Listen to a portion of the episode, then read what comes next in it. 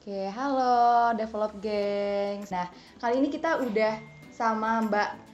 Ya, halo semuanya. Kenalin aku Berlita Devika Putri. Aku dari PW20.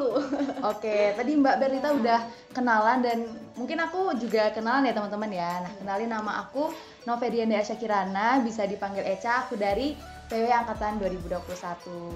Nah, eh, aku mau nanya-nanyain sedikit nih Mbak. Iya. Kan ini kita udah mau UAS nih, apalagi ini udah hari terakhir kuliah. Nah, kira-kira Mbak hari ini tuh eh, kesibukannya apa sih gitu? Kesibukannya Iya, kesibukannya hari ini. seperti mahasiswa pada umumnya ya, Cek, ya. Jadi ya kuliah seperti biasa berangkat pagi, pulang pagi enggak. enggak, enggak. Agak serem ya pulang pagi ya. Agak liar. Agak liar. Enggak jadi ya berangkat pagi terus ke kos tiduran. Udah sih TikTokan. Oh, tiktokan. Aku baru suka ngedit pakai capcut. Oh, capcut ya. Iya, iya. Editan yang gimana tuh? jedak jeduk Oh, jedak pakai jeduk. template template Oke. aja gitu. Ini kan kita mau UAS nih, Mbak ya. Iya. Mau UAS. Nah, kira-kira Mbak udah ada persiapan nggak sih sebagai mahasiswa gitu? Waduh, redep nih. Kayaknya kayak wawancara redef ya. sambil, sambil, sambil. Oke. Uasnya alhamdulillah.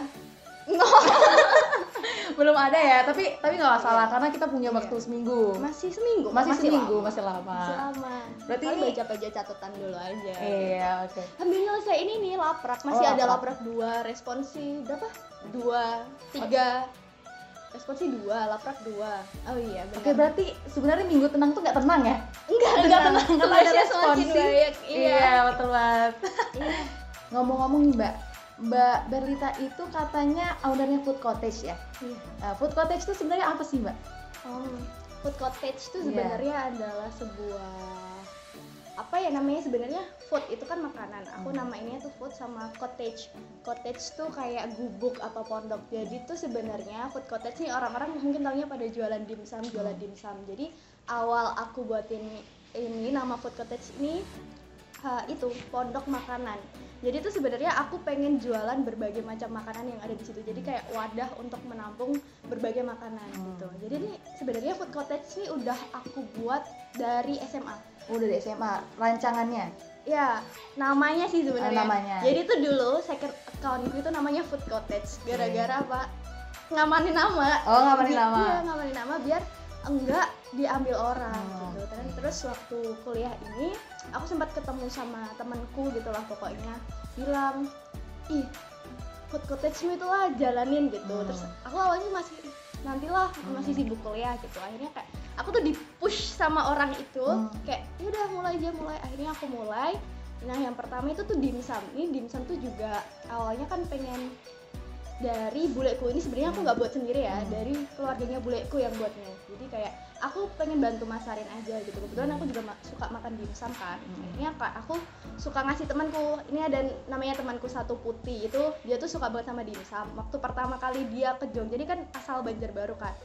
Waktu pertama kali dia ke Jogja aku bawain dia dimsum gitu kan. Terus enak banget bar enak banget dan terus dia kayak ya dia itu ku, sering ku bawain kan kayak kenapa sih nggak jualan aja? Gitu Hmm. kan. Habis itu ya udah deh aku jualan dengan pertama kali itu aku posting di second account Oh, jadi pembeli pertama itu teman-temanku Hmm. semua gitu jadi kayak alhamdulillah waktu itu banyak banget yang pesen saat waktu pertama kali orderan itu sekitar berapa ya 500 biji kali ya Cak 500 biji. Iya, Wah, itu dari banyak sih. teman-teman second doang iya lumayan kan Iya, lumayan banget. sih. lumayan banget gitu terus akhirnya mulai dari itu food cottage ini aku udah gantilah itu second accountku Hmm. jadi namaku second accountku yang sekarang food cottage aku buatin IG sendiri Hmm. gitu nah sampai mana ya aku sampai sini ya Udah ada Ah, cheat sheetnya ya. oh iya chips ada aku panik ya Hmm. terus habis itu Habis itu kan tadi eh, terjualnya nih 500. Berarti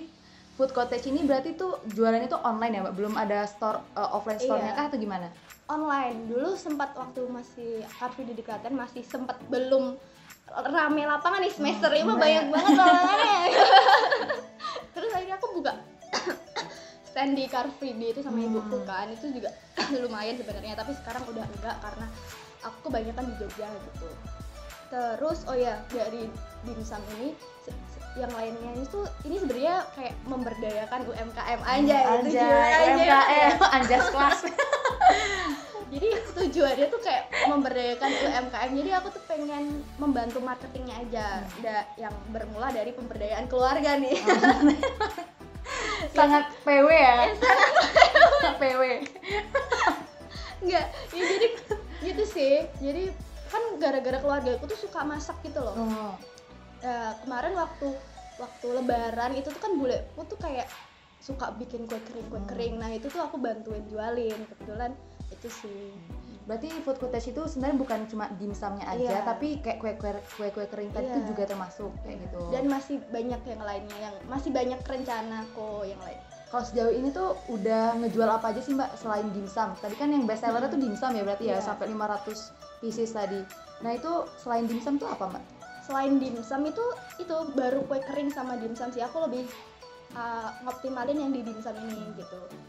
tadi kan katanya juga eh, waktu di Klaten Mm-mm. juga ngebuat ini nah itu sebenarnya food cottage ini tuh eh, base produksinya tuh di Klaten kah atau di Jogja juga ya? Di Klaten. oh di Klaten jadi di Klaten di Jogja tuh aku nggak ada tempat karena aku kos kan dan ini sebenarnya frozen dimsumnya tuh di Hmm. dimsum frozen dan di kosku tuh cuma ada kos kos bersama. Jadi kan nggak nggak bisa tuh aku bawa eh, 500 biji Oh, iya. sekali ya dimarahin satu Iya. kosan gitu kan. Diambilin ya kan diambilin. dicuri gitu Iya, dicuri. dicuri gitu kan.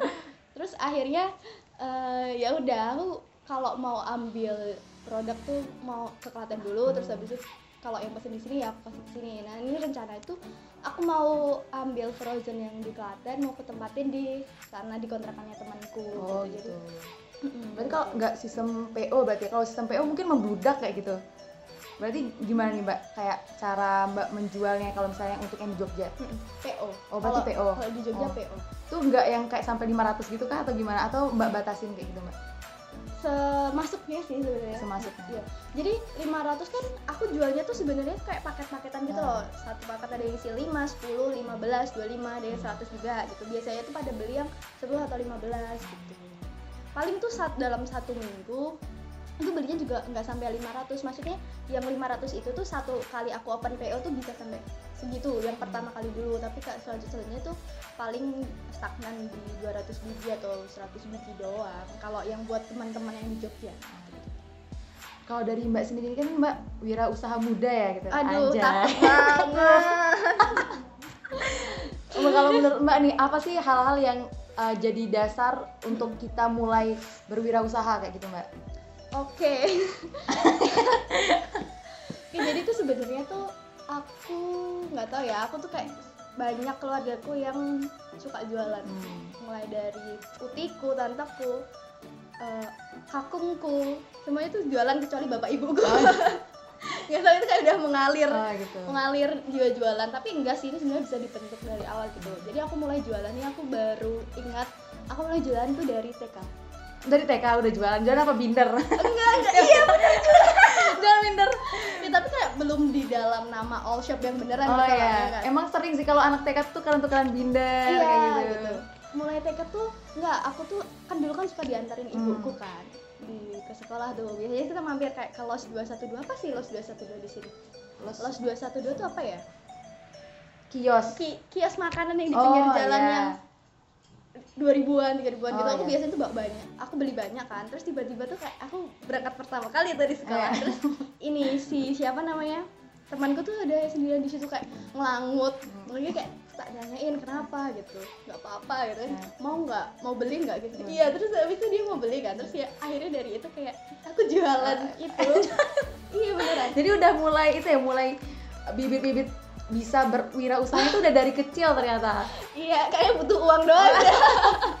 Untuk jajan lagi. Iya, terus habis itu SD kan utiku kan buka toko kelontong kan di rumah. Ya segala berbagai macam apa pun tuh dijualin sama utiku. Ada tuh namanya bros.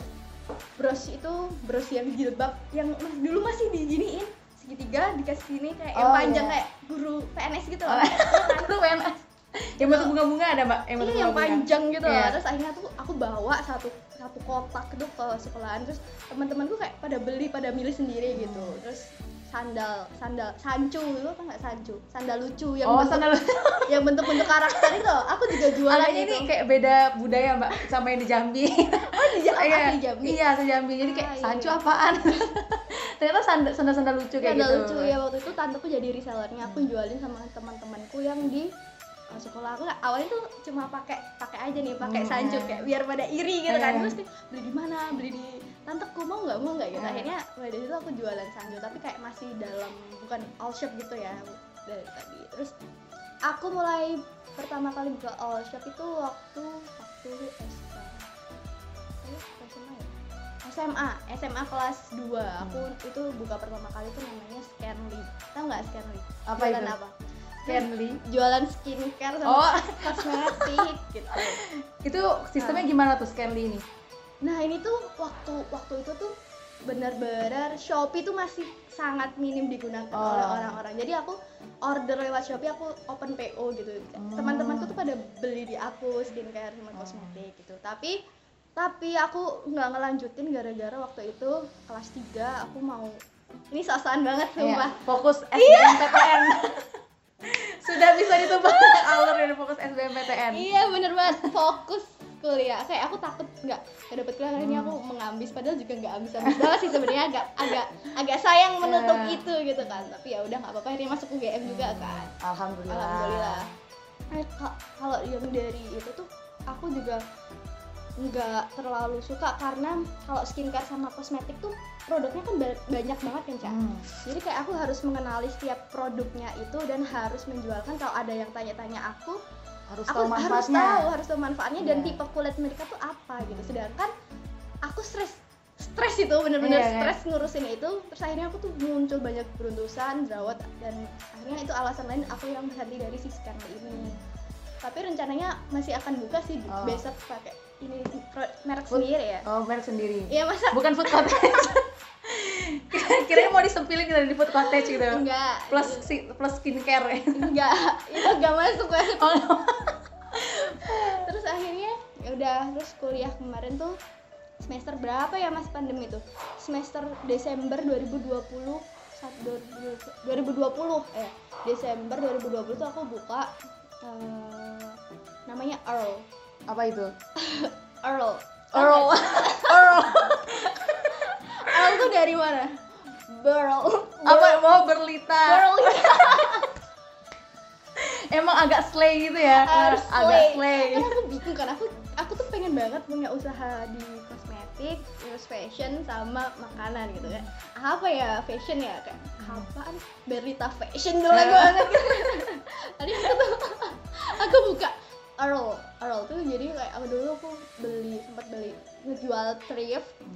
Dan akhirnya juga nggak sampai sekarang itu aku berhenti setahun doang gitu. Karena karena apa ya? Beberapa alasan sih kayak aku mau fokus kuliah. Oh mau fokus kuliah. Ya mau fokus laprak.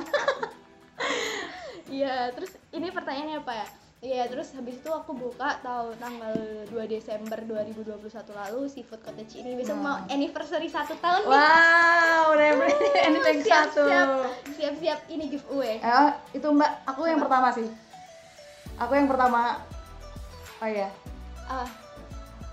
Aku yang pertama harus dikasih sih mbak. Oke. Oh, ikut giveaway iya ya ikut giveaway oke berarti ini ada jatuh bangunnya juga ya mbak berarti ya nah Iya. tadi kalau misalkan pas TK tuh pas TK kan udah mulai jualan Mm-mm. nah itu udah mulai kayak cari cari keuntungan nggak sih atau kayak ya udahlah eh, si utinya jualan 7000 Mm. dijualnya 7000 gitu atau kayak udah mulai kayak ah ngambil 500 lah kayak gitu. Iya dong. Oh iya dong. sudah terpikirkan gitu ya mengambil keuntungan. itu tujuan kita berjualan Oh, tujuan. Sudah tahu. Iya. Bahkan tuh malah uangnya semuanya tuh nggak aku kasih uti oh jadi ada, ada yang diambil? Iya gitu. Terus apalagi sih? Oh ya mulai berusaha. Yang penting tuh yang pertama tuh niat sih. Kayak Hmm. niat tuh yang mendasari semuanya. Percuma kalau nggak niat pengen pikiran ini ini ini tapi nggak bakalan dilaksanain nantinya. Terus yang kedua satu tujuan kita harus tahu tujuan kita jualan tuh apa apa. Nggak punya uang nggak punya Hmm. HP harus ada goals gitu ya? harus ada goals gitu. Loh jadi biar kita tuh kayak terpancing teramunisi gitu Iya, lah teramunisi. teramunisi apa ya kata-katanya ya? Ya gitulah. Biar kita tuh bisa mencapai hal-hal yang menjadi tujuan kita. Gitu bisa jadi obsesi sendiri gitu. Yang, yang ketiga tuh kita harus tahu produknya apa yang mau kita jual dan pasar yang harus kita jual. Jadi kita harus analisis produknya tuh kelebihannya apa sih keunggulannya apa sih biar bisa kita ngejual ke orang-orang tuh juga tahu gitu Hmm. loh. Jadi orang-orang bisa milih kita gitu. Terus yang keempat tuh langsung action. Kayak jangan terlalu berpikiran buruk kayak eh kalau aku jualan besok laku nggak ya? Besok ada yang beli nggak ya? Itu tuh kayak pikiran buruk sih menurutku kayak kemungkinan kemungkinan buruk dan terlalu banyak berteori itu malah membuat kita nggak maju-maju malah stagnan di uh, fase itu terus gitu.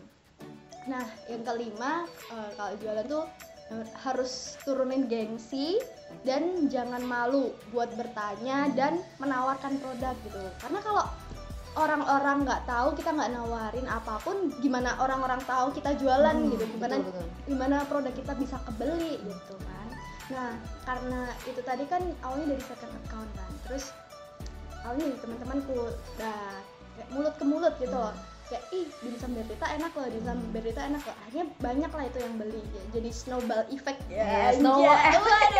Ini apakah terkait PW juga? Oh, Masih loh, Iya, develop gengsi. Iya jadi kayak dari mulut ke mulut jadi kayak membangun relasi dengan customer kita itu penting banget gitu Hmm. karena aku kan juga selain ke teman-teman jualin juga masukin ke frozen food frozen Hmm. food gitu yang ada di Klaten sih masih yang ada di Klaten gitu. sama aku masukin di kantin Biomart sama Jasmine sama satunya apa Soy Oh, yang dijual di Justin punya Mbak? iya Ah, aku harus nyoba sih. harus nyoba. baru tapi baru vakum Oh. rela uas Oh, oh ini apa? Motivasinya gara-gara uas. Iya. Oke. tapi yang frozen masih kok Hmm. yang langsung ke sana aja gitu nah itu tuh aku tuh kayak menjaga hubungan baik sama yang Yoga tuh pak namanya Pak Didit yang di Jasmine Corner. Jasmine Corner tuh juga ada Mas Uki Hmm. yang di Soul itu Butati kan kalau yang nunggu itu namanya Butati aku tuh uh, sering chattingan tuh sama Pak Didit Jangan sampai baper loh. Tahu-tahu Pak Didi baper. agak takut ya say jadi kayak chattingan kayak nanya-nanyain yang ih gimana pak? Ini ini gitu. Hmm. anak saya suka banget mbak sama dimsumnya. Hmm. ditawarin ke teman-temannya malah ngejualin ke teman-temannya nih Oh. anak saya gitu. Terus saya besok pesen dua ya gitu. Wah jakal rame banget. Dulu saya waktu masih kuliah di UGM bisa zigzag sekarang aduh mbak ya.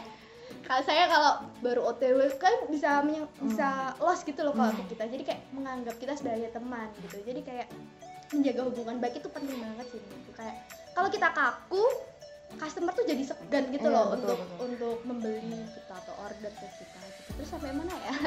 Nah terus yang keenam tuh coba segala cara dan peluang yang ada di depan itu ambil aja semuanya aku kan frozen food ini aku juga nawarin satu-satu ke frozen food yang ada di Klaten waktu itu wah itu tuh banyak penolakan juga ada beberapa yang nyantol gitu. Akhirnya aku tahu nggak sih waktu aku mau ke ke frozen food itu mau nganterin dimsum ke frozen food itu kan waktu itu karena aku kelas sampai sore dan aku bisanya nganterin habis kelas.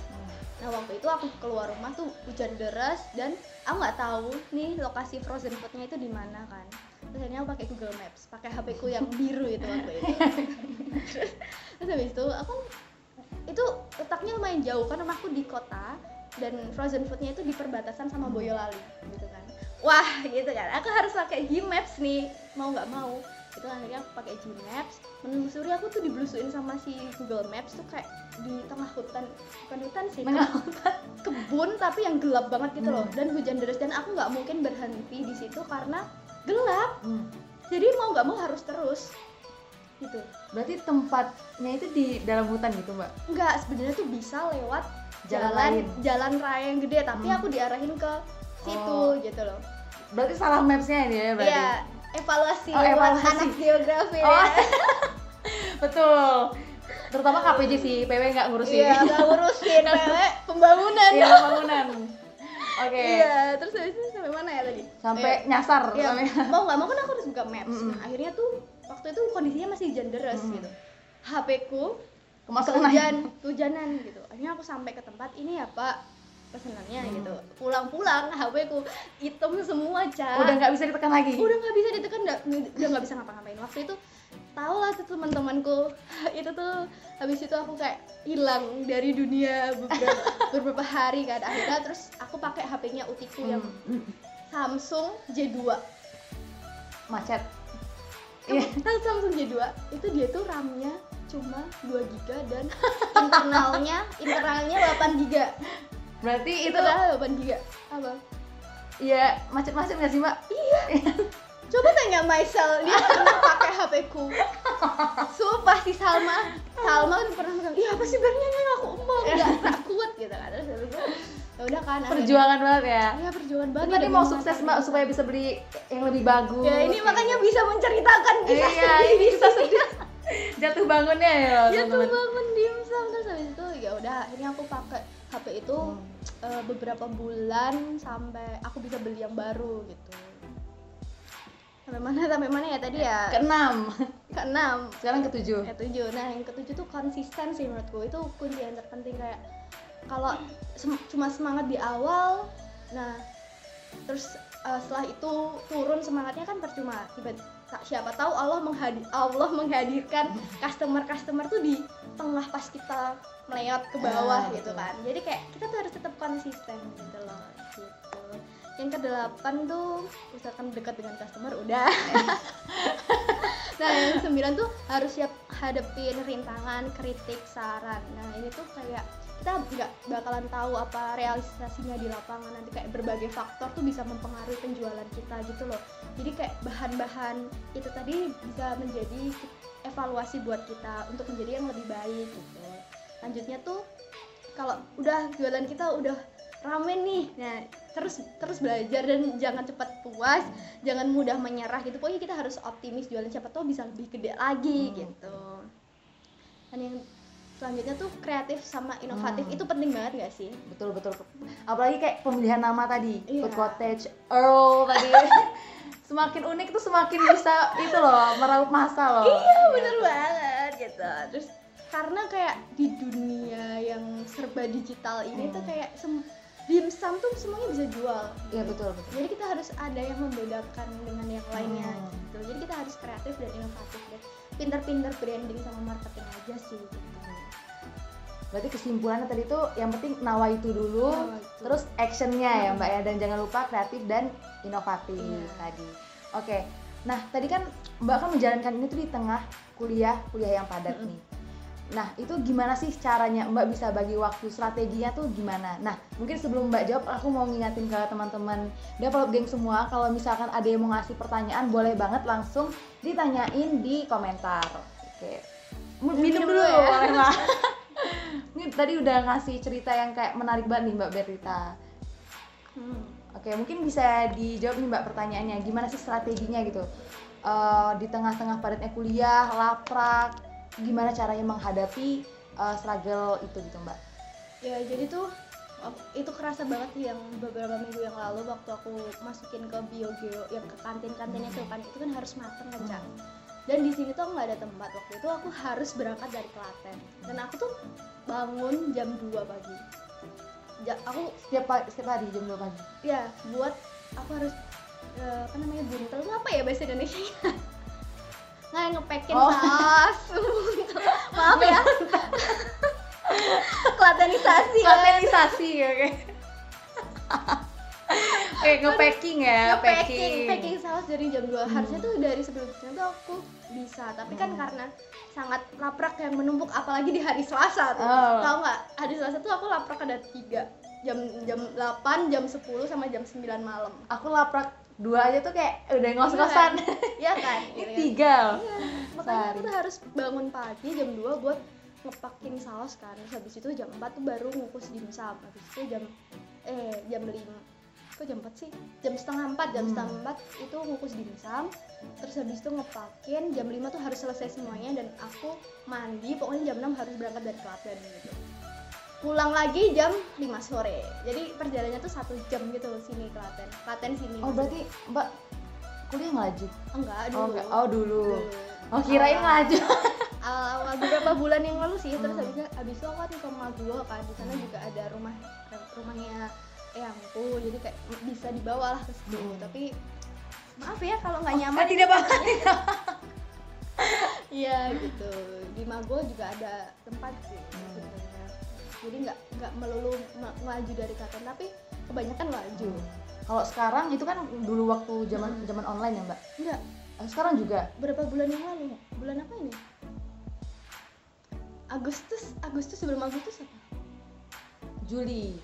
September oh iya September Sebelum apa sesudah?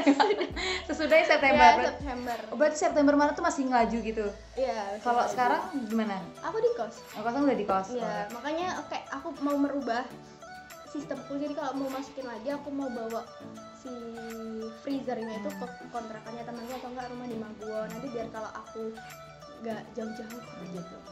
Ini kan frozen food ya mbak. Nah itu tuh bisa tahan sampai berapa lama mbak? Tiga bulan. Oh, tiga bulan. Jadi frozen dimsum kita tuh tahan tiga bulan. Nah guys. ini mulai promosi, mulai promosi. tiga bulan kayak review dari teman-temanku sih kayak gede daging gede dagingnya banyak Hmm. terus ada dua saus kita ada black pepper sama yang saus merah yang biasa itu terus kita toppingnya juga banyak banget. Pokoknya harus mencoba sih kataku. Enak banget. Kalian tidak akan menemukan dimsum dimsum seperti itu. Widih, ini udah mulai promosi padahal belum selesai loh.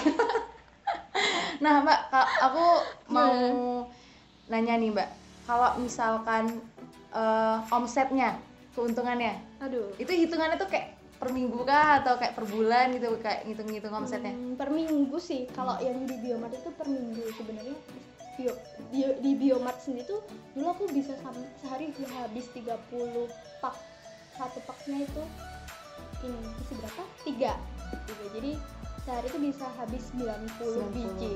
90 Bisa. biji dikali 5 berarti satu minggu tuh aku bisa 450 biji 450 biji. Nah itu mungkin apakah boleh di spill ya keuntungannya supaya kayak teman-teman mungkin bisa yang kayak Wow. kayak tergugah gitu loh, ih pengen juga dapat keuntungan segitu gitu loh. aku kalkulator dulu Oh, ya Gak apa sih, gak masalah. Oke, membuka dulu ya, membuka Iya. dulu. Berarti ini per minggu ya mbak, bukan per bulan.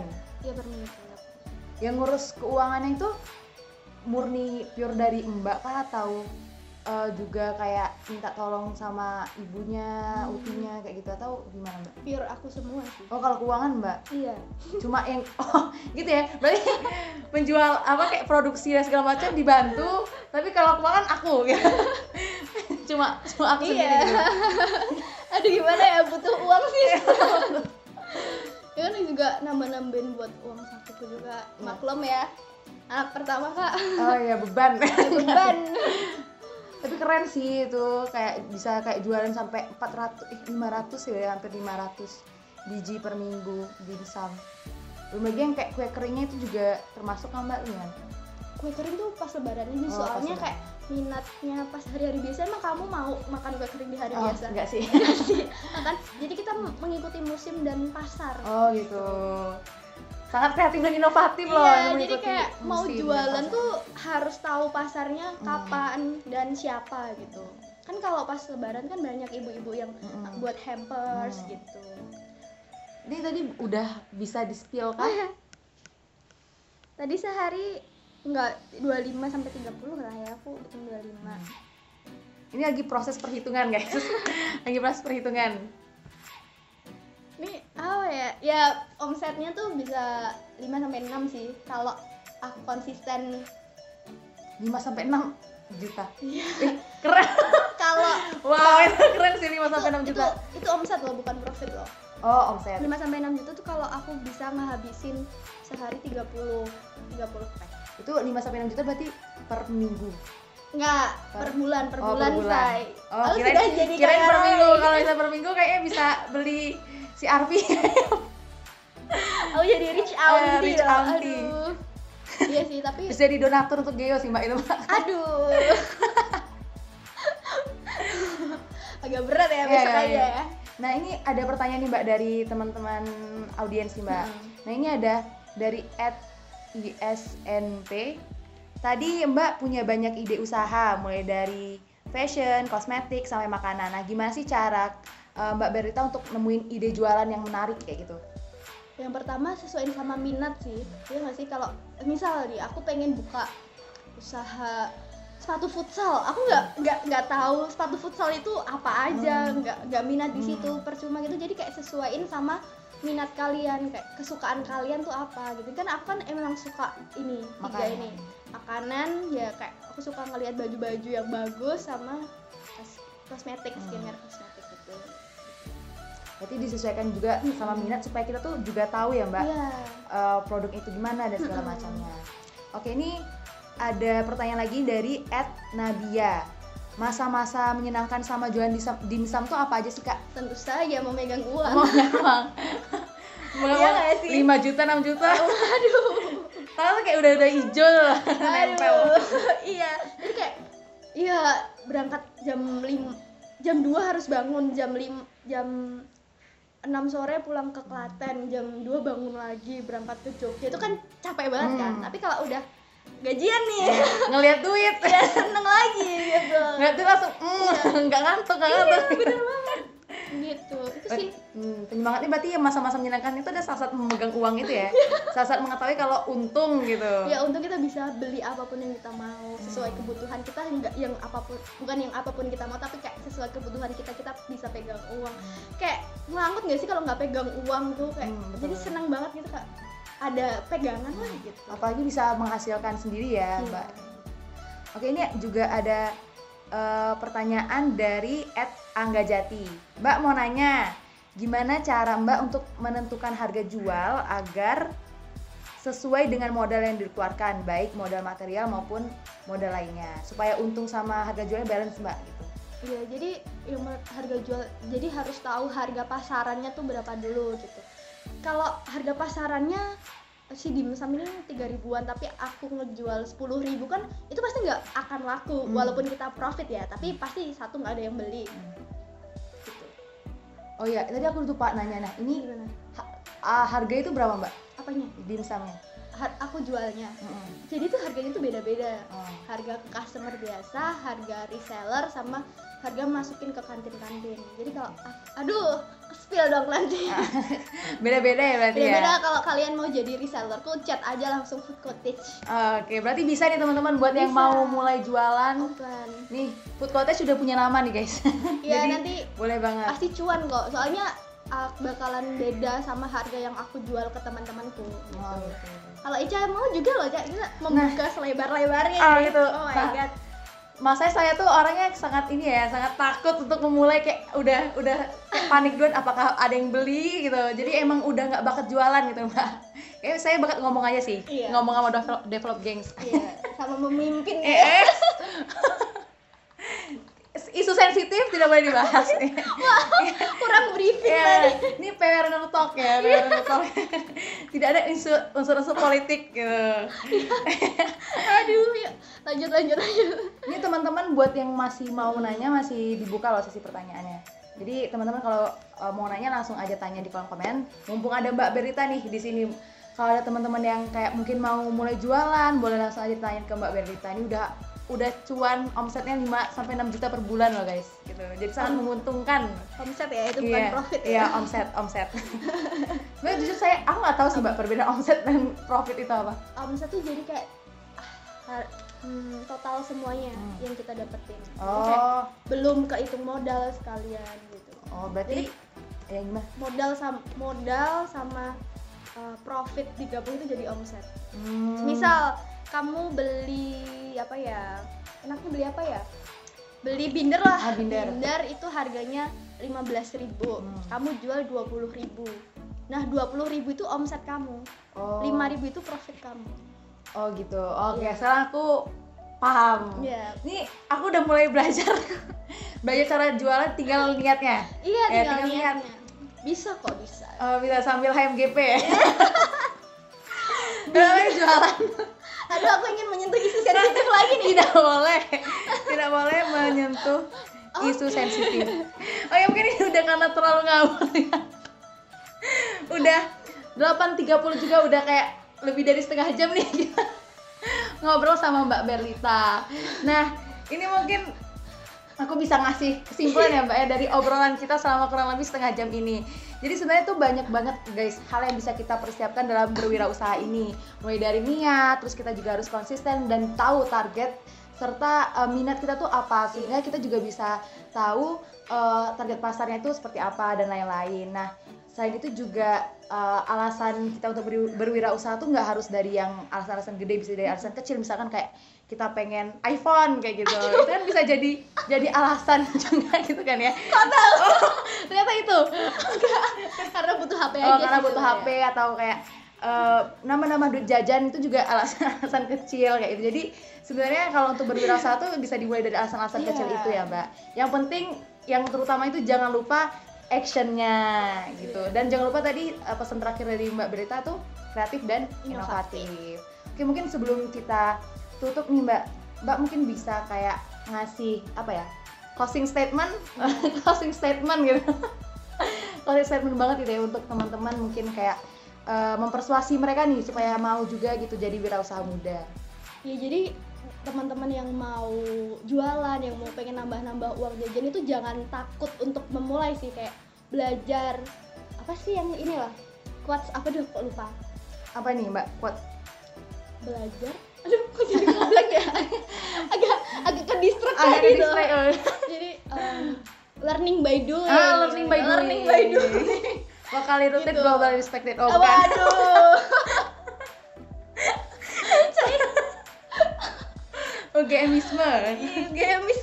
Gitu. Jadi kayak jangan takut-takut buat mulai sih hmm. sebenarnya. Kayak kita bisa learning by doing kalau enggak punya kemampuan sama sekali jangan takut yang penting kita udah berusaha gitu jadi jangan takut gagal juga ya, jangan ya, takut ya? gagal gitu yang penting kita udah berusaha semaksimal mungkin pasti Allah juga tahu usaha yang kita lakukan ah. tuh apa pasti rezeki itu bakalan berdatangan hmm. sih ya dibantu gitu ya kalau misalkan kita percaya juga yeah. gitu nah ini terakhir nih mbak sebelum menutup banget promosiin dong food cottage-nya oh, ya. Iya, promosiin. Ini kalian bener gue. Jadi halo teman-teman yang mau pengen dimsum yang frozen yang bisa tahan di kos tiga bulan ini tiga bulan loh benar-benar bukan satu minggu dua minggu tapi tiga bulan guys tiga gitu. bulan tapi habisnya seminggu juga satu hari oh, satu, satu jam lah udah sampai ya kan jadi bisa langsung chat ke food cottage gitu DM IG aja soalnya WA nya baru error gitu. Atau yang pengen ngejualin dimsum lagi boleh banget chat juga. Nanti kita bakalan harganya beda tentunya sama yang customer. Ini biar teman-teman bisa ngejualin harganya yang sama kayak kita gitu. Biar dapat uang gitu. dapat cuan, cuan. ya mbak? Cuan gitu. Oke. Terima kasih banyak ya mbak Berlita udah hmm. Uh, sharing-sharing sama Develop Gangs malam ini. Udah setengah jam juga nih kita ngobrol-ngobrol soal food cottage dan hmm kiat-kiat untuk berwirausaha. Semoga apa yang kita sampaikan pada uh, malam hari ini tuh bisa bermanfaat dan bisa memunculkan wirausaha wirausaha muda yang baru. Oke, terima kasih. Mungkin kita tutup ya, Mbak ya. Uh, wassalamualaikum warahmatullahi wabarakatuh. Bye.